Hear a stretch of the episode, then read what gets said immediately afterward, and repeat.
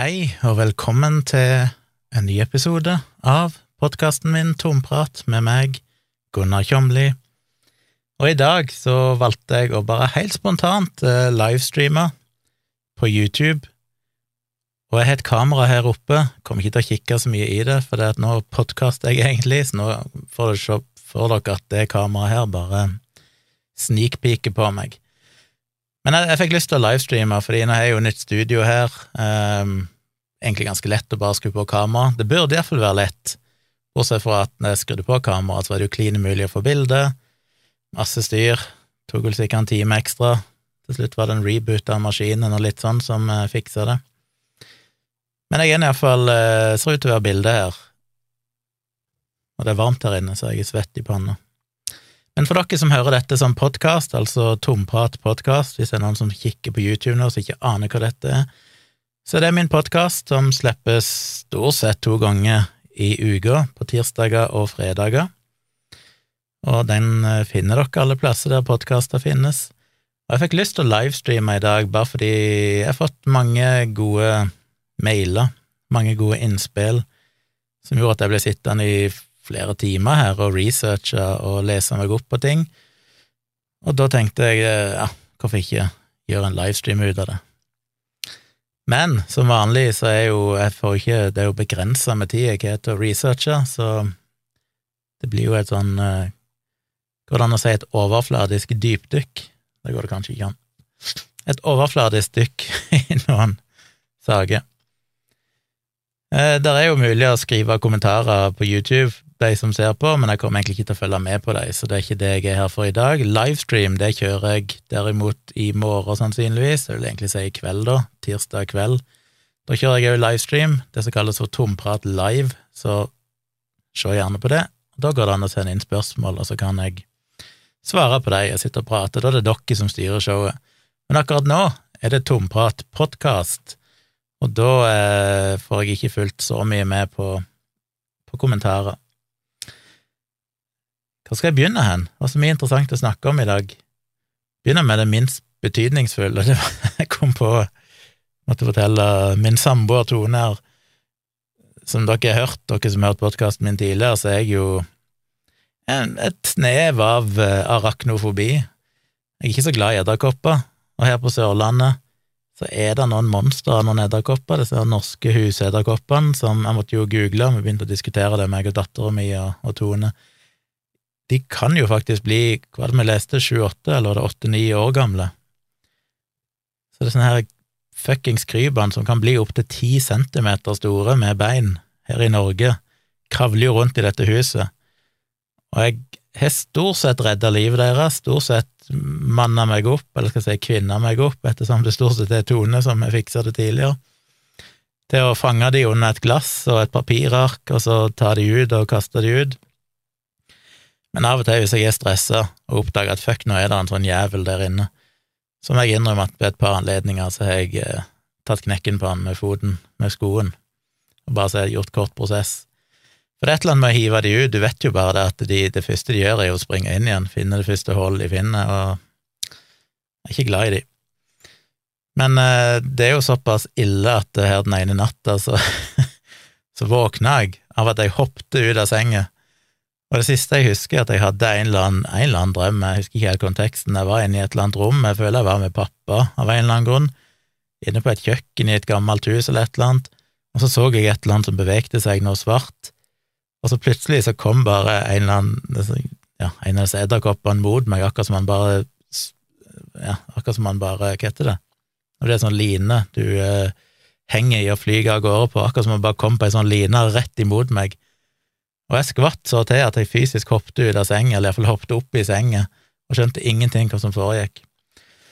Og jeg drømmer lite, jeg husker ikke så mye av drømmene mine, generelt sett. Jeg sover Jeg vet ikke hvorfor, egentlig. Jeg vil jo anta jeg drømmer like mye som andre, men jeg husker det i veldig liten grad. Men akkurat denne drømmen om den edderkoppen, den fikk meg ut av senga. Og det gjorde meg ikke noe mer blid på edderkopper.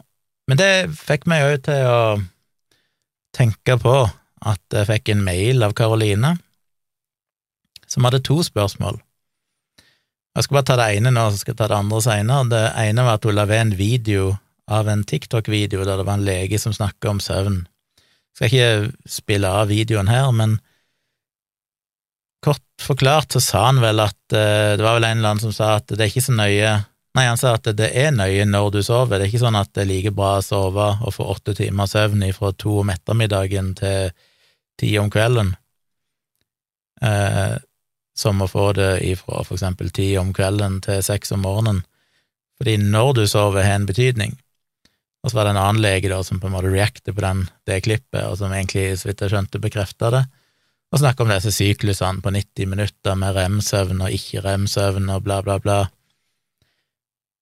Og så spør hun stemmer det, og jeg syns det der med søvn er vanskelig, pluss at jeg føler meg ganske inhabil fordi at jeg ikke er noen stor tilhenger av den ideen om at du må sove så lenge.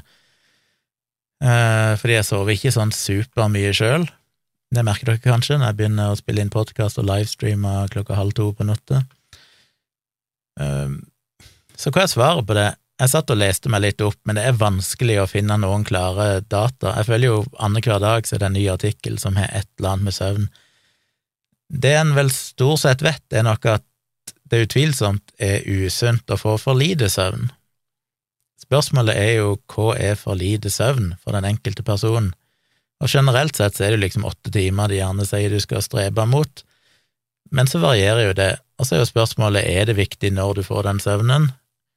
Er det bedre å få den søvnen mellom klokka ti på kvelden og seks om morgenen, eller elleve på kvelden og sju om morgenen, heller enn å legge seg klokka to om natta og sove til klokka ti på formiddagen? Og der finner jeg ikke noen helt klare svar, selv om jeg føler de fleste heller i retning av at hvis du er noenlunde konsekvent, hvis du for eksempel stort sett alltid legger deg klokka to, så er det like greit. Altså, det er ikke noe verre det da å sove fra to til ti enn hvis du konsekvent legger deg klokka ti på kvelden. Det eneste variabelen her er jo selvfølgelig dagslys, og det er denne her rytmen eh, som er knytta til lys og mørke. Problemet er jo at som på vårt soverom så er det egentlig helt mørkt, med en rullegardin som basically tetter vinduet helt, så uansett om det er midt på dagen, så er det kålmørkt der inne, hvis det gardinet er nede, så en blir i veldig liten grad påvirka av det. Altså, jeg er jo alltid litt skeptisk til denne her, hva heter det på norsk, sirkadisk rytme? Må jeg google. Ja, sirkadisk rytme. På norsk circadian rhythm. Eh, I hvilken grad Altså, jeg mener Mennesker har jo evolvert over tid. Det er jo relativt moderne, relativt nylig i menneskets historie at vi har hatt den type døgnrytme som vi har i dag. Fordi vi skal ikke så veldig langt tilbake igjen før de fleste var bønder, eller ja, stor del av befolkningen var bønder og hadde en helt annen døgnrytme. De måtte opp grytidlig og kanskje la seg til å sove igjen etter de hadde vært våkne en gang, for å mate dyrene, eller hva det var. Eh, det er vel òg dokumentert at eh, det med å sove sammenhengende i åtte timer heller ikke nødvendigvis har vært vanlig i hele menneskehetens historie. At det òg har vært delt opp kanskje mer i at du sover tre-fire timer, og så står du opp og så jobber litt eller gjør et eller annet, og så sover du igjen. Samtidig i, i deler av verden, sånn som i Norge, og spesielt i Nord-Norge, der det kan være mørkt store deler av, eller store deler av døgnet, eh, deler av året, og det med oppvarming av hus og sånn ikke var så enkelt, så var det å ligge i senga ofte det som var letteste plassen å, å, holde varmen. Og da kan en gjerne ligge i seng i, i, mye mer enn åtte timer, når det uansett var mørkt ute og kaldt. Og så er det jo individuelt òg, da. Forskjellige mennesker trenger forskjellige mengder søvn, ser det ut til. Så det er vanskelig. Jeg, er ikke noe fasitsvar på det. Eh, det er klart, vi har jo data som tyder på at det å for eksempel være skiftarbeider blir jo regna som en kreftfare kreftvare på lik linje med ja, det er vel, det er vel litt sammenligna. Jeg har vel brukt den sammenligna når jeg har diskutert eh, er mobilstråling farlig. Så sier de ja, for det IARC klassifiserte det som et eh, klasse 2B-karsinogen. Det var 2B, var det ikke det? Jeg tror det. Som betyr eh, at ja, hva er klasse 2B? Nå, sitter, nå glemmer jeg det jo helt vekk her. IARC, klasse 2B.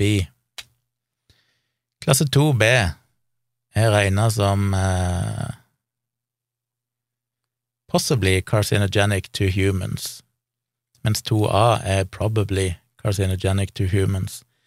Så mobilstråling er jo klassifisert som possibly, som i praksis betyr at det er ikke god nok evidens til å si at det er noe, og som jeg har snakket om og skrevet mye om i bloggen min, så skyldes det stort sett noen få studier fra denne kreftalarmisten Lennart Hardell i Sverige. Hvis du tar ut hans studier, som blir kritisert basically av alle fagpersoner, så forsvinner hele effekten, og du vil ikke ha klassifisert det som 2B i det hele tatt. Men skiftarbeid, mener jeg å huske, ligger i 2B, den òg.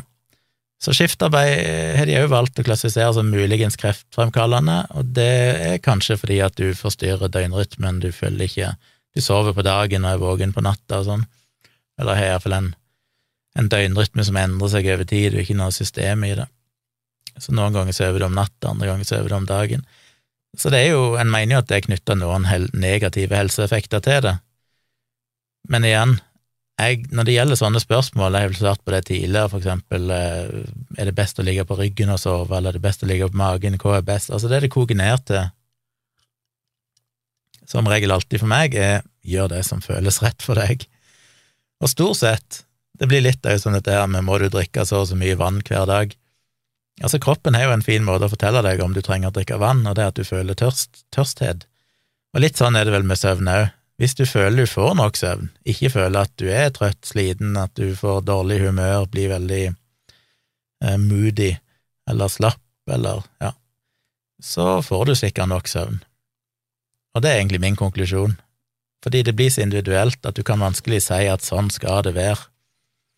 Så mitt svar til Karoline er vel egentlig eh, ja, jeg tror nok evidensen støtter det denne legen sier, med at det nok i utgangspunktet er best å få åtte timers søvn, og i utgangspunktet er det best å få det på nattestid når det er mørkt. Ikke legge seg for seint, ikke sove for langt utpå dagen, videre. Men det, det, er kanskje viktigere å holde en noenlunde konsistent døgnrytme, at du legger deg omtrent på samme tid, og passer på at ikke du kontinuerlig føler at du går med et søvnunderskudd. Det var det enkle svaret på det. Før jeg fortsetter med andre ting jeg skal snakke om her, så vil jeg bare nevne noen personlige ting. Og det er jo at jeg nevnte jo i forrige episode at jeg er i ferd med å stifte et aksjeselskap som skal ta over for mitt eh, enkeltpersonforetak. Det kom en viftelyd her, så jeg lurte på hva det var, men det er jo stakkars uh, lyset her oppe, som måtte kjøle seg litt. Og jeg hinta jo litt om hva dette her er firmanavnet skulle være. Nå har jeg fått registrert både domenet, og jeg har registrert selskapet, så da kan jeg vel si at uh, firmanavnet blir Jeg skal bare google det først, sånn at jeg har forklaringen klar. Firmanavnet blir rett og slett Qualia. Og det er beskrevet som en sånn norsk versjon av denne sida, skal vi se om det er en god norsk beskrivelse. Kvalia av latin betyr hva slags, er flertall for en kvale og ble introdusert av den amerikanske filosofen C.I. Lewis i 1929. En kvale er simpelthen, simpelt forklart essensen av en opplevelse slik den fremstår i bevisstheten. Musikk kan rent fysisk beskrives som bølger, men opplevelsen av selve stimuli stimulien kaller, vi kaller musikk, er en kvale. Vi kan beskrive lys som elektromagnetisk stråling som treffer netthinnen og omdannes til impulser som hjernen tolker, som for eksempel fargen rød, men selve opplevelsen av fargen rød er en kvale. Det er vanskelig å benekte at vi har opplevelser, men like fullt diskuteres det heftig om hva kvalias egentlige natur er.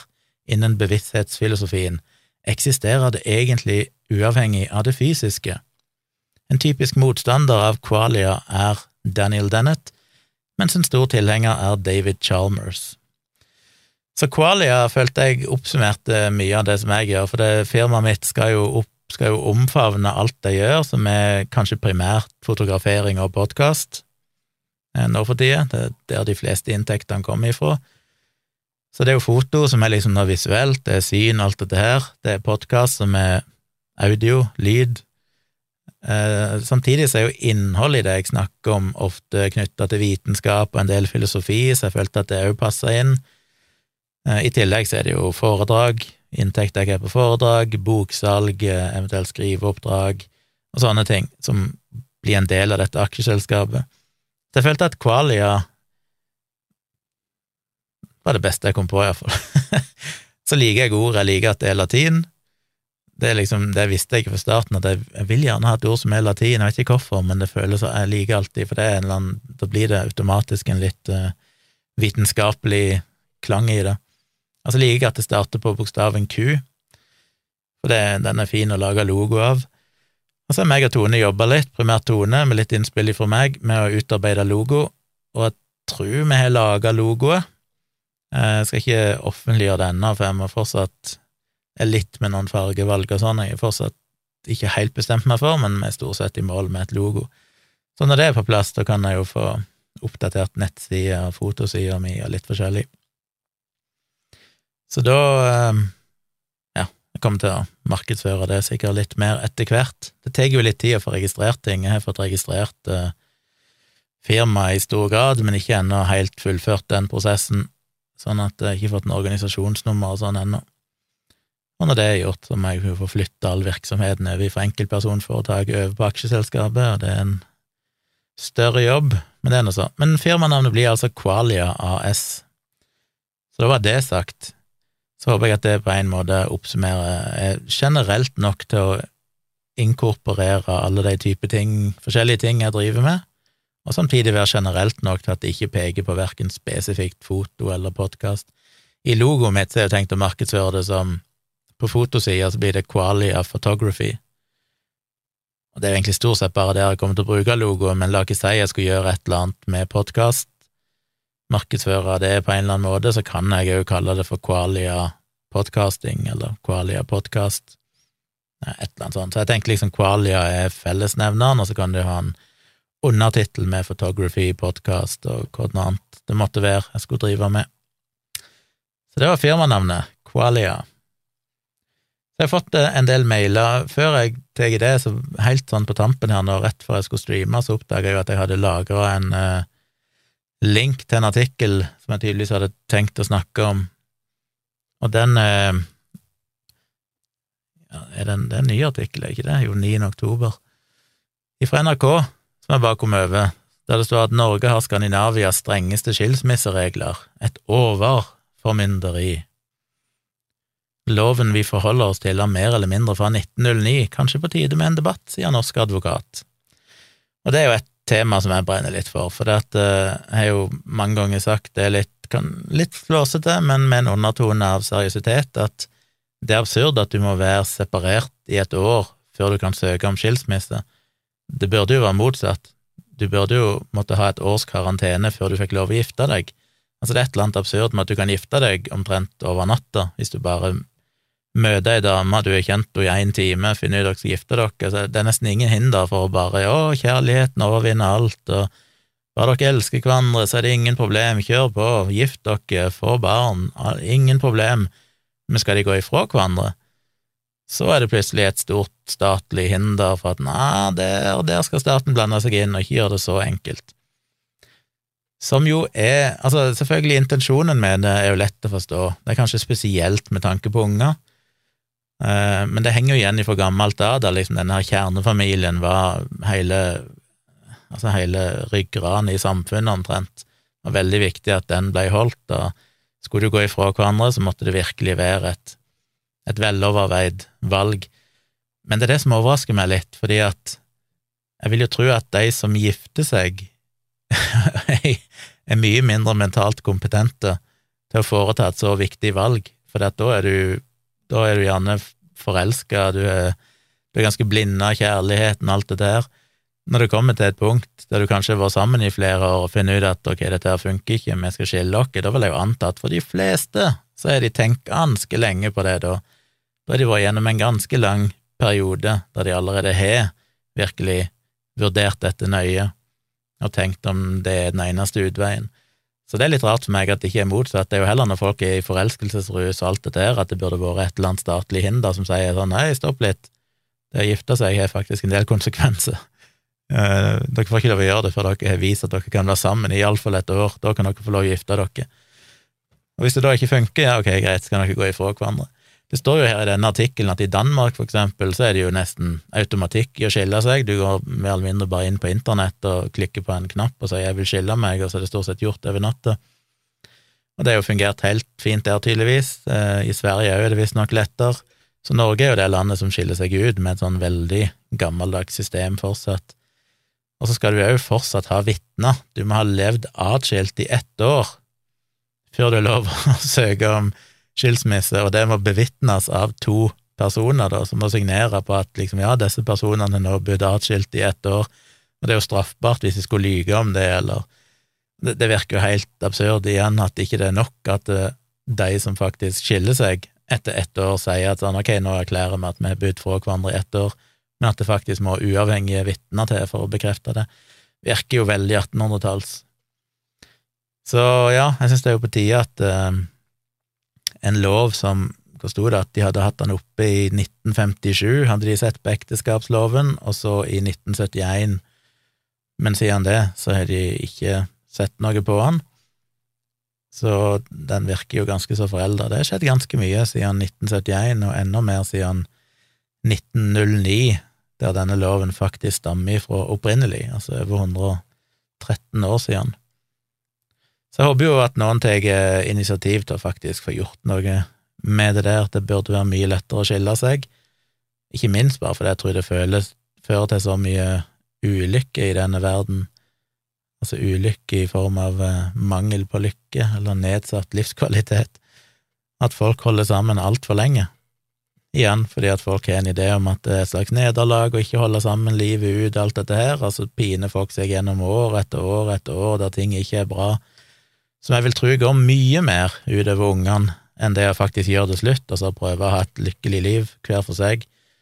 Fordi den der tværinga når folk går og er sammen i flere år, når de egentlig burde gått ifra hverandre, er jo virkelig det som går utover ungene, både fordi at ungene merker at ting ikke nødvendigvis er så bra, men òg for at det da er en tendens til å bygge seg opp en enorm bitterhet i mange par, sånn at når de til slutt gjør det slutt, så er det jo fiendskap og, og mye dritt som går utover ungene. Så la nå heller voksne mennesker få lov å bestemme det sjøl, og håndtere det. Så en liten kommentar til det. Det var alt. Da er jeg ferdig med det. Eh, jeg var ute og gikk og skifta tema igjen. En liten personlig historie. Jeg var ute og gikk tur i går. Gikk en liten runde her oppi langs veien. Det var ganske mørkt og ganske seint. Eh, og så gikk jeg med headsetet på, hørte på en podkast og jeg gikk ganske sånn fokusert på den podkasten og kikka egentlig rett ned i bakken foran meg. Gikk på, et, eh, på en sykkelsti eller gang- og sykkelvei på sida av en hovedvei, der det kjører en del Ikke hovedvei, men en bilvei der det kjører en, en del biler. Og så gikk jeg oppover, og på høyre side så er det egentlig en fjellskrent hele veien opp, og det er, en, det er en sånn topp, egentlig, med hus på toppen. Og så er det jo gang- og sykkelsti, og så er det jo veien på venstre side. Så gikk jeg bortover der, og så plutselig så ser jeg, bare på høyre side, så ser jeg et eller annet som ligger ute i veien på sida av meg. Og det var så rart, for det, det gikk i sånn Det var akkurat som hjernen resonnerte i trinn som føltes som mange sekunder, men det var kanskje bare noen tiendedel sekunder mellom hvert steg i den prosessen. Men jeg la først merke til at det var et eller annet der, og så så jeg at fuck, det er jo et klesplagg og en sko, og så liksom så så jeg til sida, så det er jo et helt bein som ligger i veien. Og så så jeg bort, og så er det fuckings et menneske som ligger inntil fjellet der, ned liksom med rumpa ned i ei grøft, lent inntil fjellet, med hendene i lommene og ei hette over ansiktet, så jeg så ikke noe ansikt, og så bare beina i kors opp på veien, eller opp på fortauet. Og jeg stokk altså så at jeg bare hoppet mens jeg gikk, for det, det kom så ufattelig brått på, for jeg så han ikke før jeg basically hadde passert han. Og det var så rart når liksom hjernen bare pusla sammen det der Jeg kan liksom bare huske at jeg først så at det var et eller annet der, og så var det plutselig en fot, og så var det et bein, og så var det fuck, det er en hel kropp. Det er jo et menneske, og så hoppet jeg til, og så gikk jeg videre oppover sykkelstien. Og når jeg hadde gått en sikker, ja, jeg vet ikke hvor langt det var, 20 meter eller noe sånt, så går jeg jo først og tenker, for jeg var livredd, jeg stokk så, jeg kjente bare det gikk kaldt ned ryggen på meg, for det lå jo en fuckings mann der i mørket. Og så tenkte jeg, jeg kan ikke gå videre, jeg må jo sjekke, dette er jo For da var jeg helt sikker på at dette er jo en mann som enten er død, det er noen som er blitt påkjørt av en bil og blitt bare liggende i grøftekanten. Gudene vet, jeg kan iallfall ikke bare gå videre, men jeg syntes jo det var dritskummelt òg, for jeg visste ikke hvem det var. Så jeg snudde, tok av meg headset og gikk ned igjen, og når jeg var sånn tre-fire meter ifra han, så plutselig så bevegte han på seg og så på meg, og så ga han meg et V-tegn med fingrene. og så gikk jeg et par skritt til nærmere, og så sa jeg ja, jeg skal bare sjekke at det går bra med deg. Så sa han ja da, satt bare og venta på noen som var der borte, sa han, og så pekte han på et bygg på andre sida av veien, som vel en, en skole, tror jeg. Så sa jeg, ga han bare en thumbs up, og så snudde jeg og gikk.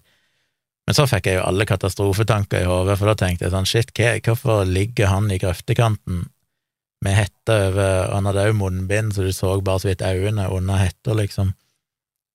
Ligger der og nesten Ja, det bare virka midt på natta, eller hvorfor, hvorfor ligger han der? Så fikk jo jeg all slags tanke om at her, de, de, de, han er en kompis som driver og bryter seg inn på denne skolen og skal stjele et eller annet, og han sitter og venter på han, og nå har jeg sett han, så nå må de ta livet mitt, for at, nå er jo jeg et vitne til dette, så jeg fikk jo bare helt panikk og begynte å gå oppover så rolig jeg kunne, men jeg hadde helt sånn frysninger nedover ryggen, hver tiende meter så snudde jeg meg for å sjekke om han kom springende etter meg. Åh, det gjorde han heldigvis ikke. Så han snakka vel sant, han hadde kanskje ikke noe noe ugagn i gjerdet, men eh, jeg skjønner fortsatt ikke hvorfor han lå der klokka var rundt midnatt eller halv ett om natta eller noe sånt. Så ja, jeg var litt skuffa over at ikke han var død, og tenkte jeg gleder meg til å ringe, ringe politiet og si at hei, der ligger et lik her i grøftekanten. Det hadde jo vært eh, spennende i hverdagen. Jeg har jo bytta forsikringsselskap i dag. Jeg har jo snakka om det tidligere. Jeg hadde jo en lang prosess her tidligere i år der jeg var og sjekka ut forskjellige forsikringsselskap, og så ga jeg bare opp. Bare fortsatte med det jeg hadde. Men nå endte jeg opp med å bytte til samme som eh, For de ringte meg fra banken min og lurte på om de kunne tilby meg forsikring, og så var de faktisk en del billigere. Pluss at da får jeg alt inn i samme appen, og alt er på samme sted. Så jeg gjorde faktisk det. Men det jeg òg gjorde, var at jeg eh, ble inspirert av en eller annen artikkel jeg leste på nett, et eller annet om Ja, det var vel en artikkel om en eller annen dude som følte han hadde blitt lurt av strømselskapet sitt. Og så sto det i artikkelen at du kan sjekke om du får de beste betingelsene og sånn på den og den sida, tjenestetorget eller et eller annet sånt. Så tenkte jeg sånn, ja ja, Kanskje jeg bør gjøre det. Jeg har jo egentlig ikke, Det var litt tilfeldig hvilket strømselskap jeg valgte. Det var jo bare, måtte bare velge et. Når, du, når det er overtakelse av boligen, når du kjøper et hus, så står du jo der med de tidligere eierne. Du skal signere, ta bilder av målerstand og sånn, og så må du der og da i denne her godkjenningsappen som du får fra megleren, så må du bare velge et strømselskap på flekken, liksom. Og jeg sto jo der helt panikk og tenkte sånn, hvorfor skal jeg velge, jeg har jo ikke noen forutsetninger, så jeg valgte bare, tror jeg, de samme som de hadde hatt. Og det har forstått vært greit nok, det, men jeg tenkte det er kanskje verdt å sjekke om det er noe å hente der òg. Så jeg gikk inn og registrerte meg med navn og telefon og e-post, og så vil de da sende et anbudsforespørsel til tre strømleverandører i området som da vil kontakte meg. Problemet er jo at jeg er jo en e-postmann, jeg er ikke en telefonmann, så jeg i min naivitet tenker at da får jeg sikkert tre tilbud, og det er jo kjekt, da kan jeg sammenligne dem, men nei da, dette er jo selvfølgelig folk som skal ringe. Så i hele dag, ifra i dag tidlig og hele dagen i dag, så er det tre strømselskaper som har ringt meg og ringt meg og ringt meg. Jeg har jo selvfølgelig bare nekta å ta telefonen, for ikke faen om jeg skal ta en sånn samtale på Skal de gi meg et tilbud, så vil jeg ha det skriftlig uansett. Det er helt totalt irrelevant hva de vil si til meg, og hvis de vil ringe meg, så får de sende meg en mail først, og så forklare meg ting, og så eventuelt be meg ringe opp igjen eller avtale i tid. Jeg takler ikke at de bare ringer meg, og så skal jeg bare plutselig begynne å snakke om ting som jeg ikke er forberedt på. Så er jeg spent på om de kommer til å fortsette i morgen, eller om de kommer til å ta clouet til slutt og bare tenke at uh, dette her, her kommer ingen vei. Tviler på at jeg får noen mailer de heller, så jeg renner vel ut i sanden, regner jeg med. Men det er jo det verste som finnes med den type selgere. Selv om det funka jo med han ifra banken som ringte meg um, angående forsikringer. Jeg fikk en mail òg fra um, Joar Øverås Halvorsen sier navnet hans, for han er jo psykolog, og jeg visste ikke så mye om han tidligere, men jeg har hatt noen eh, Jeg vil sett han litt i noen sånne rusdebatter på Twitter. Jeg tror første gang jeg hadde noe med han å gjøre Ja, det kan være jeg har hatt noe med han å gjøre tidligere, uten at jeg har registrert hvem han var. Men da var det vel at han nevnte at jeg hadde snakka om eh, evidensen for behandling av forskjellig eh, psykisk sykdom og sånn, depresjon og så videre, med diverse hallusinasjoner Eller eh, hva skal vi kalle det? Det som er klassifisert som narkotiske stoffer. I Norge fortsatt. En del rusmidler. Og så likte han det, tror jeg, og så, eller han spurte meg vel om et eller annet, det var vel der når jeg hadde sagt at uh, CBD-olje virker bedre mot epilepsi på steder der det var ulovlig, enn der det var lovlig. Så lurte han på om jeg hadde noen kilde på det, og så ga jeg han det. Og så oppdaga jeg jo at han er jo veldig inne i forskningsfeltet her. Jeg har sett han da delta i noen andre debatter med noen sånne rusaktivister som kanskje har en tendens til å være litt for overdrevent uh, lite kritiske til den type forskning. Og så oppdaga jeg jo plutselig at han dukka opp i Folkeopplysningen i den episoden, den siste episoden om uh, om mental helse og, og psykolog og alt det der, psykoterapi. Da var jo han der og prata, jeg syns han gjorde en veldig god jobb, sa mye fornuftig. Så jeg fikk en mail av han som var litt morsom, for han hadde visst hørt på den forrige podkastepisoden min, og der hadde jeg sagt, det var vel i forbindelse med programmering, tror jeg, jeg snakket om at jeg hadde programmert, at det var gøy å programmere og alt det der, så nevnte jeg at eh, jeg òg har blitt bedre med årene, jeg har jo programmert i over 20 år, nærmer seg vel 25 år, at du blir bedre med erfaring, men det blir du i alle yrker, sa jeg. Men da påpekte han at uh, i hans sitt yrke, som er klinisk psykologi eller psykoterapi, så har jeg nok òg gjerne tenkt at du blir en bedre terapeut med erfaring, men så viste han til en uh, studie som fant at uh, det var en liten, men statistisk signifikant forverring i pasienters utfall av psykoterapi jo mer erfaring terapeutene får. Så altså, jo mer erfaring terapeutene tilegner seg, jo dårligere behandlingsutfall får pasientene. Ikke noen stor endring, men eh, som han skriver, så utfordrer jo det antakelsen om at psykoterapeuter blir bedre i yrket sitt over, over tid. Han måtte jo ta en kikk på, på denne studien som han linka til. Han linka jo til en fulltekst, men den linken virka ikke. Så den fikk jeg ikke tilgang til. Det virker som at den kanskje ligger Ja, vet ikke hvorfor, men den virker iallfall ikke. Og jeg fant ikke noen fulltekst i farten, men derimot så fant jeg For det studien heter Så jeg klarer å reloade den sida. Det er en merkelig webside som En sånn webside som er 100% dynamisk. Så jævlig irriterende. Du, når du laster den, så laster den an, men du kan ikke kopiere tekst eller gjøre noen ting på den. Jo, nå kan jeg plutselig det. Det kunne jeg ikke tidligere. Da var alt blokkert. Anyway, som heter Do Psychotherapists Improve with Time and Experience? A long, long, longitudinal analysis of outcomes in a clinical setting av eh, Simon B. Goldberg. Og Derfor har jeg bare lest abstrakte, da krasja den sida. Herregud, for ei nettside. Men jeg fant iallfall eh, en eh, artikkel som var skrevet av den samme forskeren på ei nettside som heter Society of Clinical Psychology, Division 12, American Psychological Association, som er den samme tittelen, Do Psychotherapists Improve with Time and Experience? Og der skriver han litt mer om denne studien han har gjort, utdyper litt, og sier at de eh, så på 170 psyko... Heter det psykoterapister på norsk? Psykologer som driver med psykoterapi. Psykoterapister, psykologiske terapister, psykologer, som behandla 6591 pasienter i en tidsperiode på opptil 18,43 år. Og så bla, bla, bla, så så de iallfall på, eh, ja, alle disse pasientene de gjennomførte eller fylte ut òg et sånn spørreskjema, der de vurderte effekten av behandlingen fortløpende etter hver eneste time de hadde.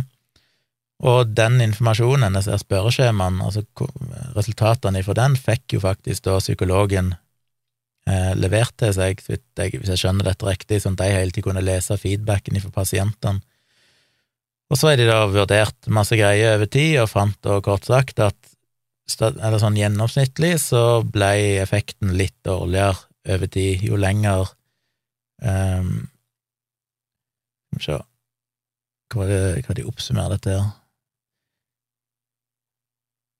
Uh, finner ikke ei linje som oppsummerer det, men iallfall. Egentlig som jeg sa, da, at uh, over tid så blir effekten litt dårligere. De fant hos noen noen uh, psykologer så ble effekten litt bedre, de ble bedre over tid, men for de aller fleste så ble det verre. Så det er jo litt uh, nedslående. Men så viser de òg til en annen studie fra den samme forskningsgruppa som egentlig undersøkte det samme, men som gjorde det på en litt annen måte, der de i større grad brukte ja, fagfolk til å hele tida assistere disse psykologene og hjelpe dem til å bli flinkere. Så de monitorerte de kontinuerlig og prøvde da å gå inn i alle sider av arbeidet deres og treningen deres, og ble på en måte overvåka og hjulpet underveis og fikk kursing og alt dette her. Og der fant de derimot at de hadde en bedring over tid. Så konklusjonen er jo at, som de skriver her, at uh, det å bare la psykologene jobbe over tid, betyr ikke nødvendigvis at de blir bedre. Det er ikke sånn at jo mer erfaring de får, jo flere år de jobber, så, de så får pasientene automatisk bedre og bedre hjelp. Men derimot så kan du gjøre psykologene bedre hvis du faktisk jobber ganske aktivt med de. Så det er jo en, en studie som ikke bare sier at uh, psykologer blir dårligere og dårligere over tid, men uh, og igjen, med alle forbehold, og dette er en relativt ja, jeg vet ikke om det, det er ikke nødvendigvis en liten studie, men det er én studie, det kan jo være mange forhold her som gjør at uh, de finner den effekten. En ting, en ting som slo meg, var jo om Jeg skjønner ikke helt alle detaljene, for jeg har ikke tilgang til fullteksten her, så jeg er litt usikker på alle detaljene i metoden som er brukt, men det slo meg jo at hvis de har pasienter som er pasienter over veldig lang tid, eh, så er det vel kanskje ikke urimelig at pasientene etter hvert begynner å rangere de dårligere bare fordi at tida går, og de kanskje ikke føler at de får det utbyttet som de hadde håpet å få, uten at det nødvendigvis betyr at eh, at denne psykologen gjør en dårligere jobb, eller ja, blir dårligere og dårligere over tid.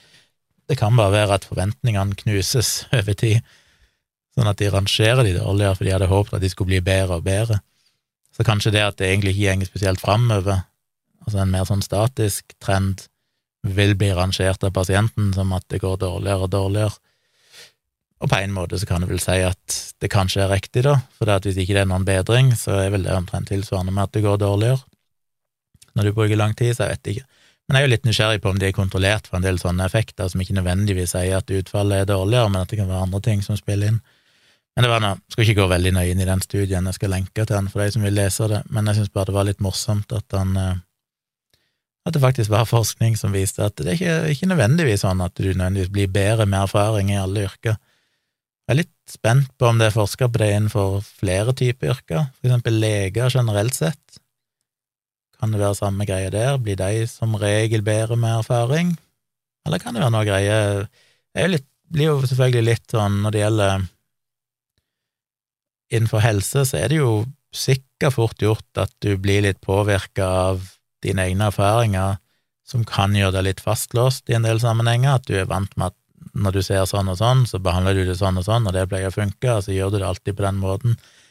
At du kanskje ender opp med å gå litt på automatikk, heller enn å se hver eneste pasient som et individ med, med sin egen historikk, og at det kanskje kan gjøre at, at du blir dårligere. Så er det vel også spørsmål om i hvor stor grad eldre leger som klarer å henge med på utviklingen innenfor forskningen. Jeg er jo alltid sånn at når jeg skal bytte en fast, fastlege, ikke så ofte jeg har gjort det, men jeg er jo litt tilhenger av å få en Altså På en måte så heller jeg imot å ha en eldre lege, for det føles som at ja, en eldre lege har mer erfaring er sikkert flinkere, de har sett mye mer. Samtidig så tenker jeg at eldre leger i stor grad sikkert ofte er litt sånn utdaterte.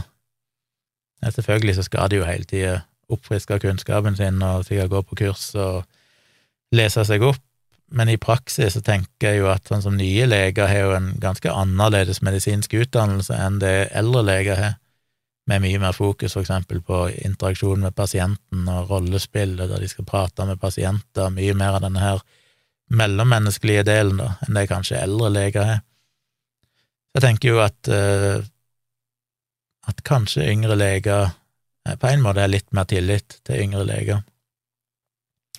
Og jeg, det blir jo sånn anekdotisk bekrefta av den gang jeg fikk en sånn sinnssyk uh, hudbetennelse her på halsen, som endte opp med sånn siste, holdt jeg på å si, som var stor som en golfball. Og jeg til slutt gikk til legen, og hun sa at jeg burde få Det var en helt nyutdanna lege, eller hun var turnuslege i kommunen der jeg bodde, og måtte få en sånn breispektra antibiotikum. Og så Og da, for å være sikker, så slo hun opp i denne her eh, felles sånn, Hva det heter Felleskatalogen, er det ikke det? Den her medisinske håndbok, iallfall, og sjekke, altså så er det sånn Ja, jo, det ser ut til å stemme, jeg bør nok gi deg det, den og den type antibiotika. Men så var hun tross alt ganske nyutdanna, så hun ville bare sjekke, så hun gikk inn til en mer erfaren lege, som var liksom kommunelegen eller annet sånt, og spurte han, og så hadde han sagt sånn nei, nei, nei, du må ikke gi det, du må gi den, en ganske sånn smal type antibiotika som spesifikt skulle gå på muligens hudinfeksjoner. Og så stolte hun på han, og så fikk jeg den, og det hjalp jo absolutt ingenting, og jeg ble bare verre og verre, lang historie som endte opp ganske grotesk, men, men bra til slutt. Eh, men det var en sånn greie, når det, når det, da til slutt var så ille at jeg husker det var første juledag, og jeg klarte ikke å sove liggende, for det var sånn et enormt press på denne her kula. Jeg måtte på legevakten første juledag i Kristiansand, for jeg var hos eksen min, og så sa jo legen med en gang at du burde fått breispektra antibiotikum, og jeg bare tenkte sånn Jesus Christ, hvorfor stolte hun ikke på seg sjøl, hvorfor stolte hun ikke på bøkene sine og sin nye utdanning, heller enn å stole på en gammel lege som sikkert sine sære oppfatninger om hva som funker. Og det irriterte meg så, for hadde jeg hørt på henne, eller hadde hun hørt på seg sjøl, så hadde, hun, hadde det kanskje gått bedre. Det var et sånt eksempel på at jeg, for meg så var det tillitsvekkende at hun slo opp i ei bok og sjekka, liksom, istedenfor at han gamlingen bare sa sånn nei, du må gjøre sånn. Det triste med den historien er at hun ble skutt eh, kort tid seinere. Ble jo skutt av sin eh, kjæreste eller et eller annet i et parkeringshus i Kristiansand tilbake for en snart 20 år siden. Skutt i hodet i en bil i parkeringshuset. Det var legen min. Men det var jo en, en stor digresjon. Jeg vet ikke hvor jeg er hen lenger nå, men jeg la ikke hoppe over til noe annet. Men takk for mail, Joar. Takk for mail, Karoline. Jeg skal tilbake inn til Karoline, fordi hun spør òg, for hun sa at i forrige episode så nevnte jeg at uh, Jeg husker ikke helt hvilken kontekst jeg nevnte det, men jeg sa vel i en bisetning at jeg tok D-vitamintilskudd på vinteren, men kanskje jeg skulle slutte med det, for jeg følte at det var mindre, mindre evidens for at det hadde noe for seg. Og det ville hun ha litt mer info om. Og det er jo en interessant sak med vitamin D. Uh, hvis jeg finner riktig artikkel her i alle nettleserne mine For det det er jo vel fortsatt anbefalt i Norge at du tar Anbefalingen er vel er vel fortsatt bare ti, er det mikrogram, som er anbefalt per dag, eh, spesielt da i vinterhalvåret, for alle.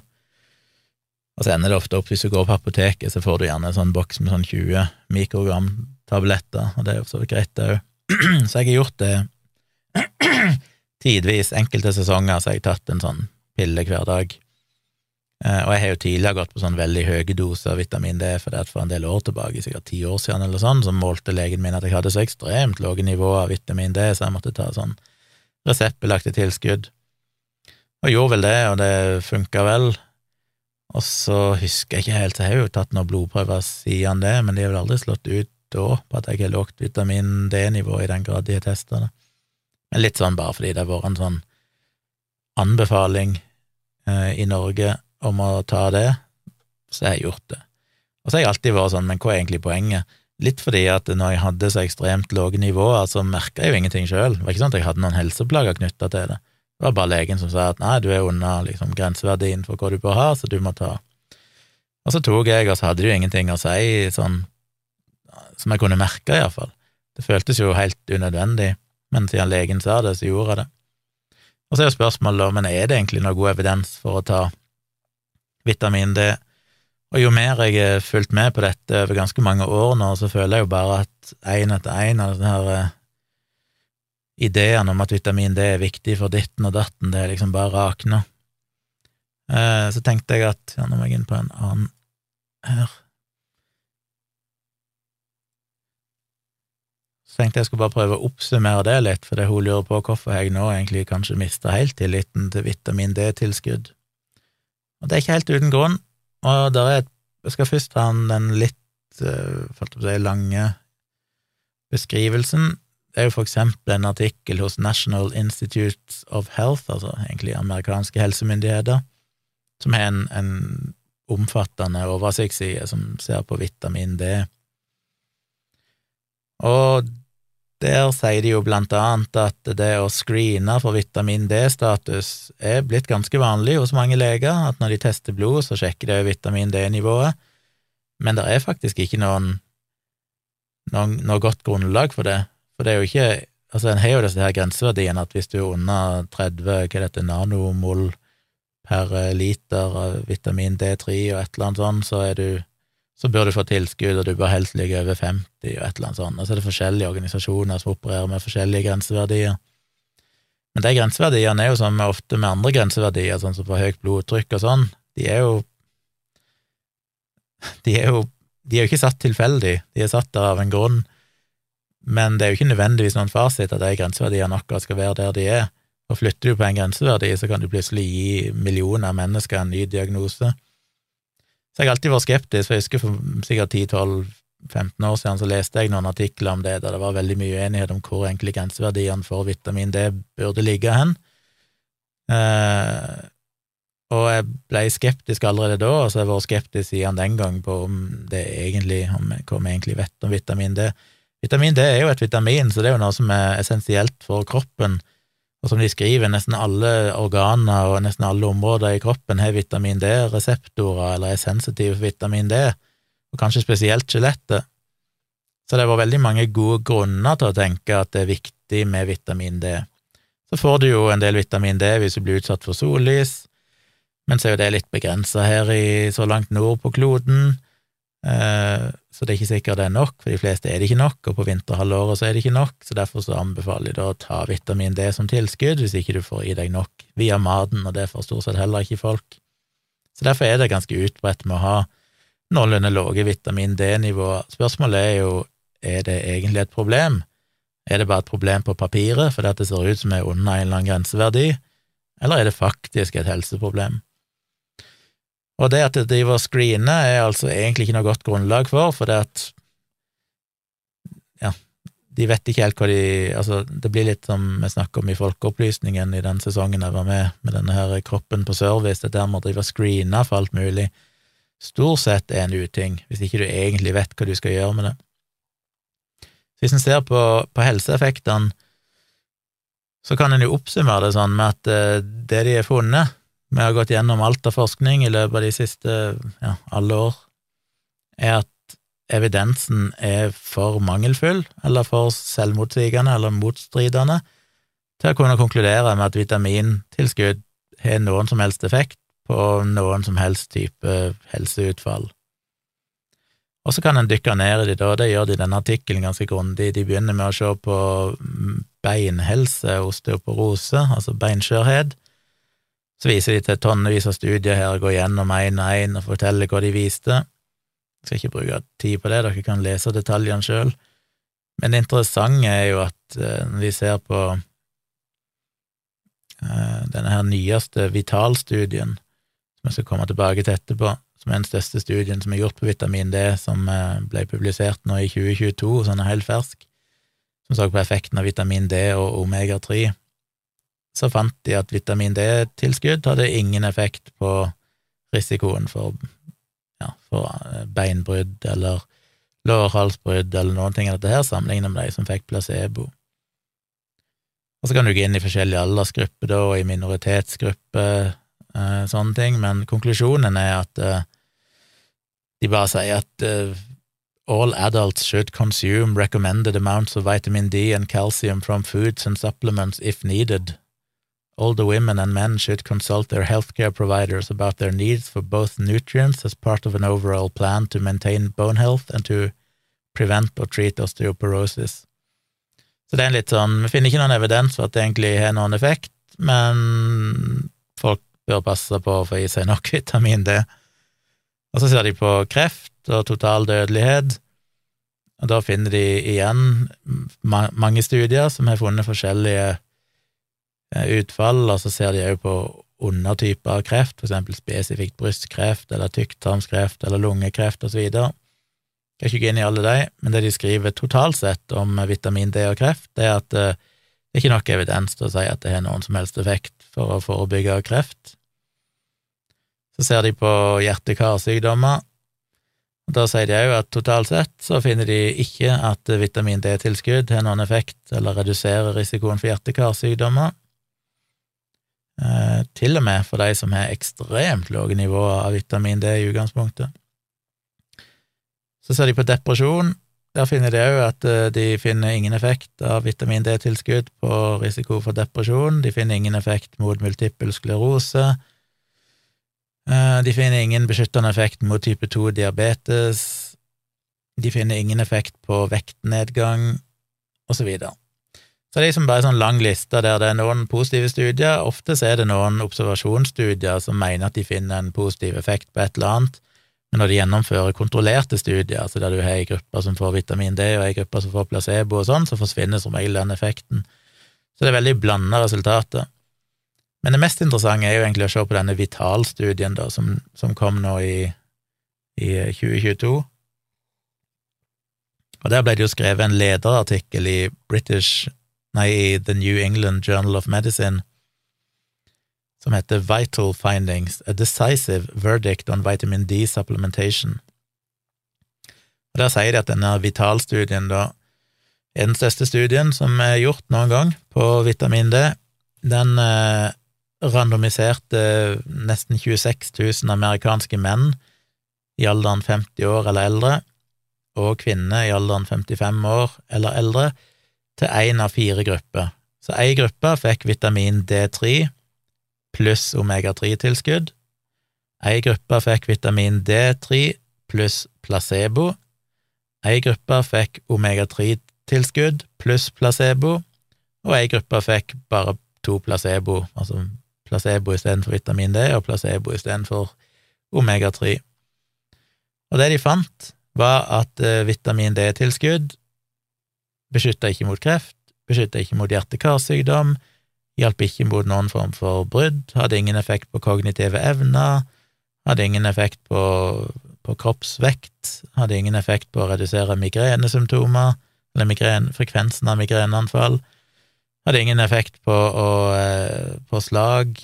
Eh, heller ikke på synet, altså sånn aldersrelatert eh, syns eh, At det blir dårlig i synet. Og heller ikke på kne, smerter i kneet. Så egentlig alt de studerte, så fant de ingen effekt. Og det interessante her er at de sier at kanskje er det på tide at vi tenker nytt om vitamin D. For det første så er det ikke egentlig noen grunnlag lenger for å drive og måle vitamin D hos folk. Det er absolutt ikke noen grunn til at du skal måle vitamin D og si at nei, du ligger under grenseverdien, så du bør ta tilskudd, for de finner absolutt ingen positive effekter av å gi folk tilskudd. Eh, de sier bare at en sånn blodprøve for å sjekke vitamin D-nivåene er kanskje kun relevant hvis det er noen som allerede har spesielle sykdomstilstander eh, som de mistenker da kan føre til alvorlig mangel. Eh, ja. Og det er jo i tråd med alt det når vi diskuterer screening. Altså stort sett Altså Det klassiske eksempelet med screening er at hvorfor tester vi ikke alle for hiv-smitte når du allikevel tester blodet? Jo, grunnen til det er at du får så ekstremt mange falske positive, fordi det er så få, få som har hiv, at du vil få en ekstremt stor falsk positiv rate. Og det er jo problemet med all den type screening, at avhengig av hvor prevalent denne her tilstanden er i befolkningen, jo så vil jo det påvirke raten av falske positive. Igjen avhengig av sensitiviteten og spesifisiteten til, til testen og sånn, men det er et komplisert regnestykke. Problemet er at hvis du tester mange for noe som er som, som du ikke nødvendigvis, eller som ikke er så veldig vanlig nødvendigvis, da vil du få veldig mange falske positive. Og her så sånne tester bør som regel bare gjøres hos de som du allerede mistenker, sånn som i Folkeopplysningen så snakket vi om dette med mammografi, at kanskje det å utføre mammografi, invitere alle kvinner over hva er det grensa nå, 50 år? 45? 50? De vil vel senke den til 45, tror jeg, men eh, ender du egentlig bare opp med å finne mange falske positive, eller det vil si du finner små kreftsvulster som sannsynligvis aldri ville ha ført til noe problem for folk, og så ender du opp i snitt med å behandle fem kvinner for hvert eneste liv du redder. Så det betyr basically at fem kvinner blir overbehandla, de får kanskje fjerna brystene, de blir utsatt for cellegift eller stråling eller kirurgi, som igjen ofte fører til skader på hjertet og sånn. Hvis du stråler på venstre bryst, så får du stor risiko for å skade muskelvev i hjertet. Eh, så du får mange folk som får skader for å redde det ene livet.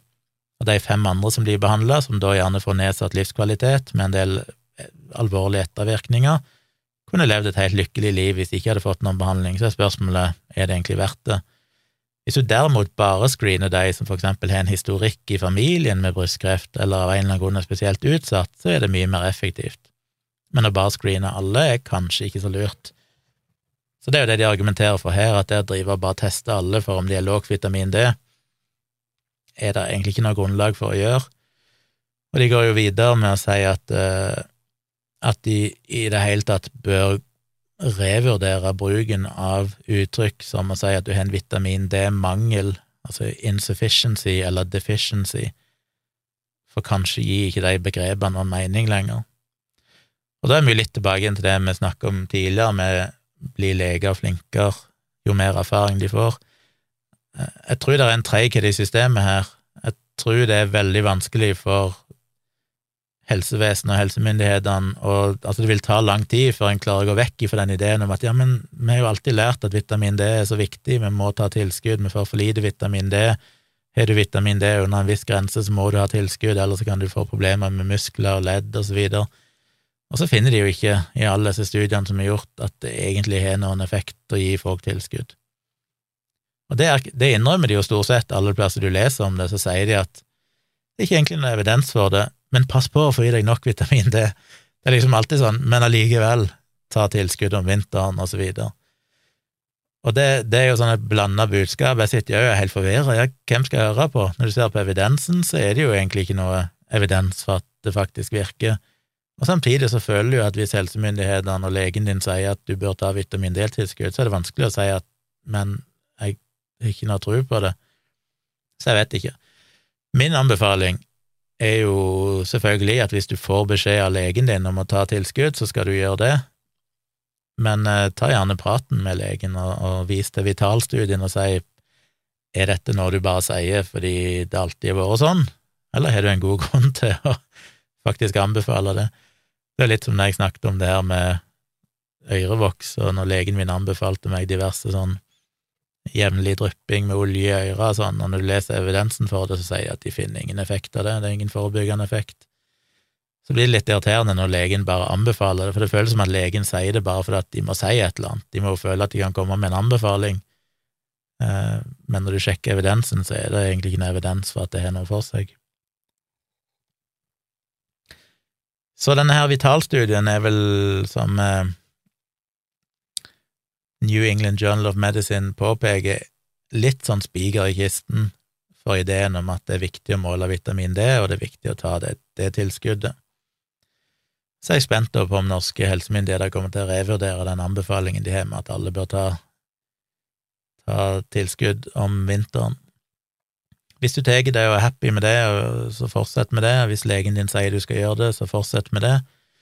For min egen del så vet jeg ikke om jeg ser noe poeng i å fortsette, for nå i så mange år nå så ser jeg bare at evidensen for at det er verdt pengene og bryderiet, tror jeg ikke egentlig er der lenger.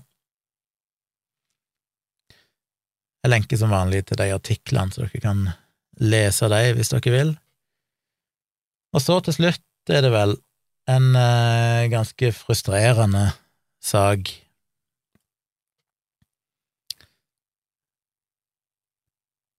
en sak egentlig plukket opp to plasser. Det ene var at jeg fikk en mail ifra en som viste til noen linker, og så dukka det opp òg noe på Facebook, og så oppdaga jeg at dette er jo samme saken, la meg sette meg litt mer inn i det. Og det er en ganske Ja, det henger jo sammen med noe jeg snakka om tidligere. Historikken her er at det er ei Skal vi bare finne riktig nettside her. Det er vel her. Altså, der er en organisasjon i Storbritannia som heter Mermaids, som jobber med å gi støtte til Eller skriver Mermaids has been supporting transgender, non-binary and gender diverse children, young people and their families since 1995. Så det er ei gruppe som jobber for rettigheter og hjelp spesielt til da barn som sliter med kjønnsinkongruens og Eller ikke Ja, ulike, ulik problematikk knytta til kjønnsidentitet. Og så viser det seg da at han ene fyren som ble ansatt i juli, så han har bare jobba der i basically tre måneder, kanskje, eh, så ble det ansatt en fyr som het dr. Breslow. Eh, jeg er litt usikker på om han satt i et styre eller et eller annet sånt i denne her Mermaids-organisasjonen, en eller annen formell assosiasjon, iallfall.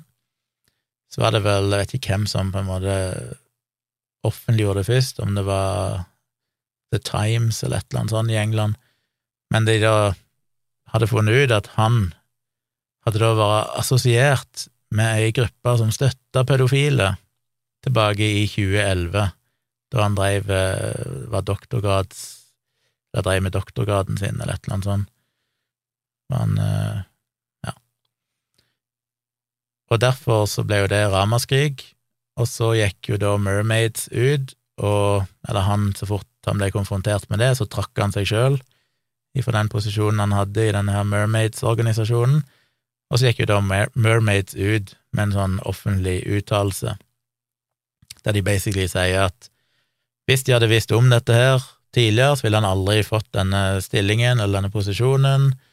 Eh, han sa opp stillingen sin samme dag.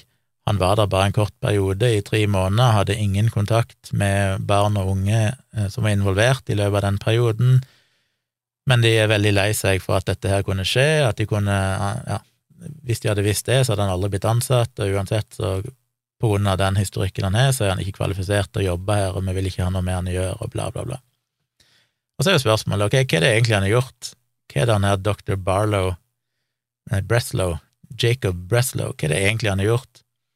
Vel, det viser seg at i 2011 så deltok han på en konferanse i regi av ei gruppe som heter Before You Act, som er skrevet som B 4U-ACT, som er en organisasjon som ble stifta av en tidligere eh, overgrepsdømt eh, dude og en eller annen psykolog, tror jeg, eller noe sånt, som stifta denne organisasjonen, som var der for å prøve å hjelpe pedofile ved å koble sammen profesjonelle folk, eh, folk, psykologer, forskere, alt mulig sånn, med folk som hadde en attraksjon mot mindreårige for å prøve å finne ut hvordan kan vi best forebygge og gi hjelp til folk som har den type tiltrekning mot unge. Men i, men i, det som blir skrevet om dette, så blir det jo fremstilt som at Before You Act er en slags pedofiliring, en slags pedofiliorganisasjon, når det jo helt, når det er en, en veldig faglig tung, så vidt jeg kan se, organisasjon som jobber nettopp for å prøve å motvirke overgrepet og gi støtte og hjelp og behandling til folk som da tør å stå fram og, og knytte seg til den organisasjonen og si at de har den type følelse. Og han har jo da holdt et uh, foredrag i 2011, altså for elleve år siden, mens han var uh, uh, doktorgradsstudent, der han egentlig ville drøfte den nye endringen i DSM, diagnosemanualen DSM, der liksom dette med pedofili og parafilia muligens da skulle bli omdefinert, og der han sier at han synes dette er veldig spennende, for dette vil da prøve å lage et skille da mellom en generell sånn det de kaller for en pedofil tiltrekning, som egentlig ikke nødvendigvis er noe med en pedofil diagnose å gjøre, som jeg snakker mye om, altså du kan det er jo En stor del av de som forgriper seg på barn, er jo ikke klinisk sett pedofile, men de kan ha en annen grunn til at de har den tiltrekningen, eller at de bare gjør det i øyeblikket. At de, at de på en måte skiller mellom den handlingen som er et overgrep, et straffbart overgrep, og den mer kliniske parafilien, eller diagnosen, eller hva du skal kalle det. og dermed kunne i mye større grad prøve å både forstå det, forske på det, finne ut hvordan du kan hjelpe disse typer folkene, og òg ha en, en, mer, som han skriver, at this understanding may displace the stigma, fear and ob ob abjection that is naturalized as being attached to minor attracted persons and may alter the terms by which non-normative sexualities are known. Det er jo det jeg synes er fint, denne ideen om at alle mennesker eksisterer jo med sin seksualitet, og den, den ideen om at det finnes én riktig seksualitet, som en kan si var veldig rådende hvis du går ikke mer enn 70 pluss år tilbake, der det liksom bare var én type seksualitet, og det var den heterofile. Og så ble jo det utfordrende, og plutselig homofili ble akseptert og avkriminalisert. Og så har vi jo hele tiden flytta de grensene med at du nå har transpersoner, og du har bifile, og du er ikke-binære, og er liksom Det er alltid kommet nye grupper inn her, og etter hvert så må vi begynne å innse at det er ingenting som er unormalt i seg sjøl. Seksualiteten er ekstremt mangefasettert. Det er jo hva du gjør med den, som eventuelt er problematisk. Hvis du da har en tiltrekning mot mindreårige, så er det jo per definisjon et problem at du lever ut den seksualiteten. Men det å ha den seksualiteten i seg sjøl må vi ikke se på som unormal, noe mindre enn det det å være unormal å være homofil, eller unormal å, være en, å ha kjønnsinkongruens fordi det er en del av det menneskelige spekter. Alle er likeverdige mennesker, alle er like mye verdt. Vi er alle forskjellige, det er ikke noe som er normalt og noe som er unormalt. Vi er bare forskjellige. Og Det er jo det han har jobba for, han her eh, virker det som han dr. Jacob Breslow. Så det er jo helt umulig å se at han har gjort noen ting galt. Han har, som en del av sin doktorgradsstudium, holdt et foredrag der han drøfter et faglig tema på en konferanse for en organisasjon som nettopp jobber for å forebygge overgrep mot barn, ved å prøve å ha en mer medmenneskelig tilnærming og mer faglig tilnærming til dette temaet. Og så blir det jo selvfølgelig hysteri, og så er jo dessverre da Mermaids såpass feige at de går ut og tar fullstendig avstand fra han, sier han kunne aldri vært jobba her hvis vi hadde visst dette om han. Og det minner meg jo så om den der Twitter-pedo-debatten som jeg hadde en episode om tidligere, da, der det var akkurat samme greia, ikke sant, der ble trukket fram den her spøken på Nytt på Nytt fra Bård Tufte Johansen, eh, der igjen denne debatten dukker opp, at folk som kjemper for transpersoner sine rettigheter, med glede, holdt jeg på å si, kaster pedofile under the bus, så lenge de kan liksom bli redda. Mens i realiteten så burde jo alle omfavne alle typer seksualitet, som ikke er den strengt heteronormative seksualiteten. Fordi i det øyeblikket transpersoner nå sier at ok, vi vil bli akseptert, men det er greit at dere liksom det er greit at dere skyver vekk pedofile, det vil jo ikke ha noe med å gjøre. Igjen, selvfølgelig med den forståelse at pedofil ikke betyr en overgriper, men betyr noen som da holdt på lider av eller sliter med, for jeg tror alle som er pedofile, må slite med det. Jeg tror ikke det er noen som kan være pedofil og tenke at å, jeg har det fint i det, for de kan jo ikke leve ut sin seksualitet. Eh, så den ideen om at vi skal bare la liksom Det burde være et norsk ord, begrep for 'throw someone under the bus'. Det er sikkert det. Kaste over bord, holdt jeg på å si. Eh, men den ideen om at du kan bare liksom la de seile sin egen sjø, for det, eh, det er for stigmatiserende å bli assosiert med dem, er en feig og det er en farlig holdning for det blir som å si at ok, vi kan bare gå ett lite steg om gangen.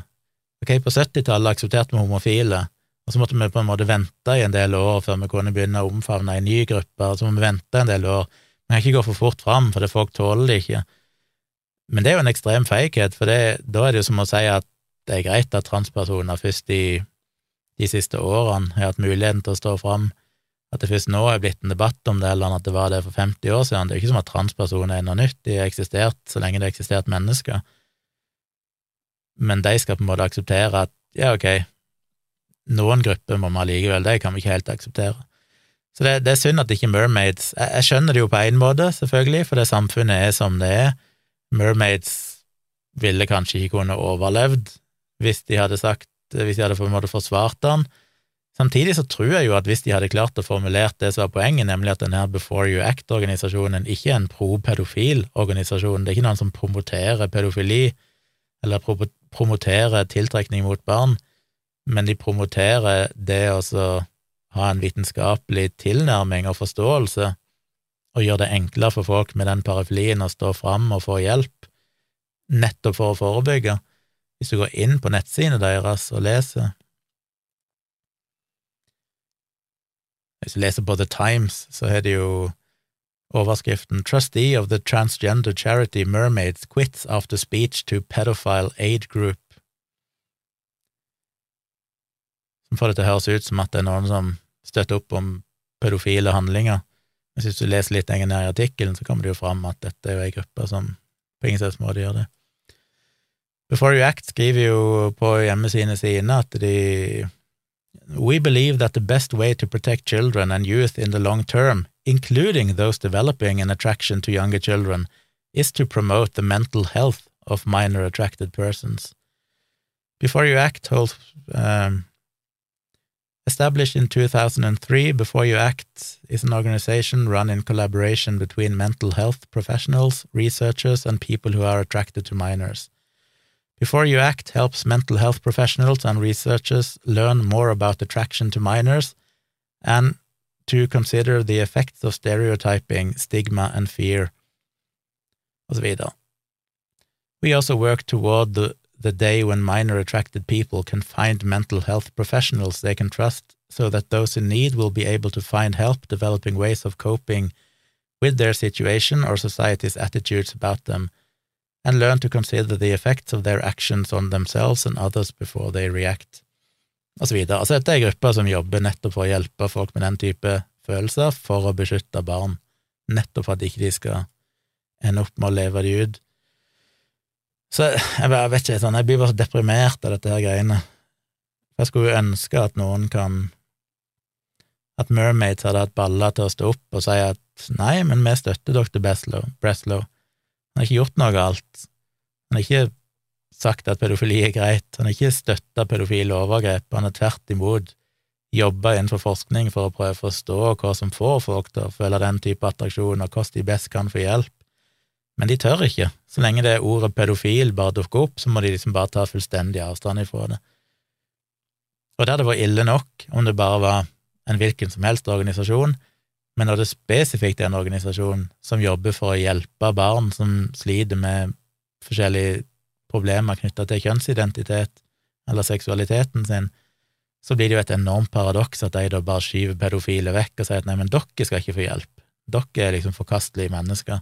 Selv om det absolutt er ingen forskjell. Alle er bare mennesker som er født med en eller annen type seksualitet eller legning eller parafili, og som i prinsippet ikke har gjort noen ting galt, annet å bare være den de er.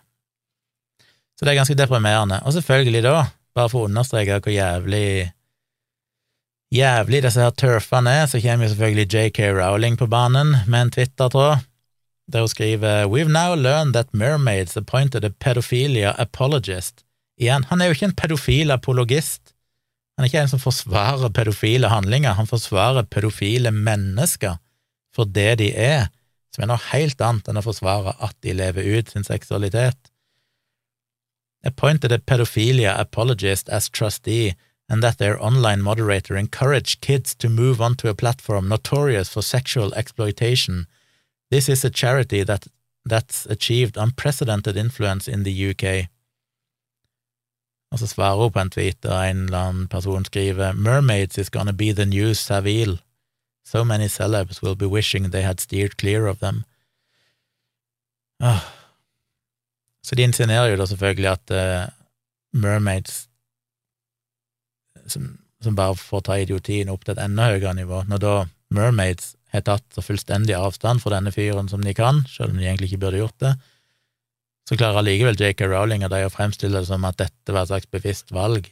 Her ser dere, mermaids er pedofile som jobber hos seg, og barn som blir sendt for å få hjelp der, de blir egentlig lurt inn i en slags pedofiliring, videre.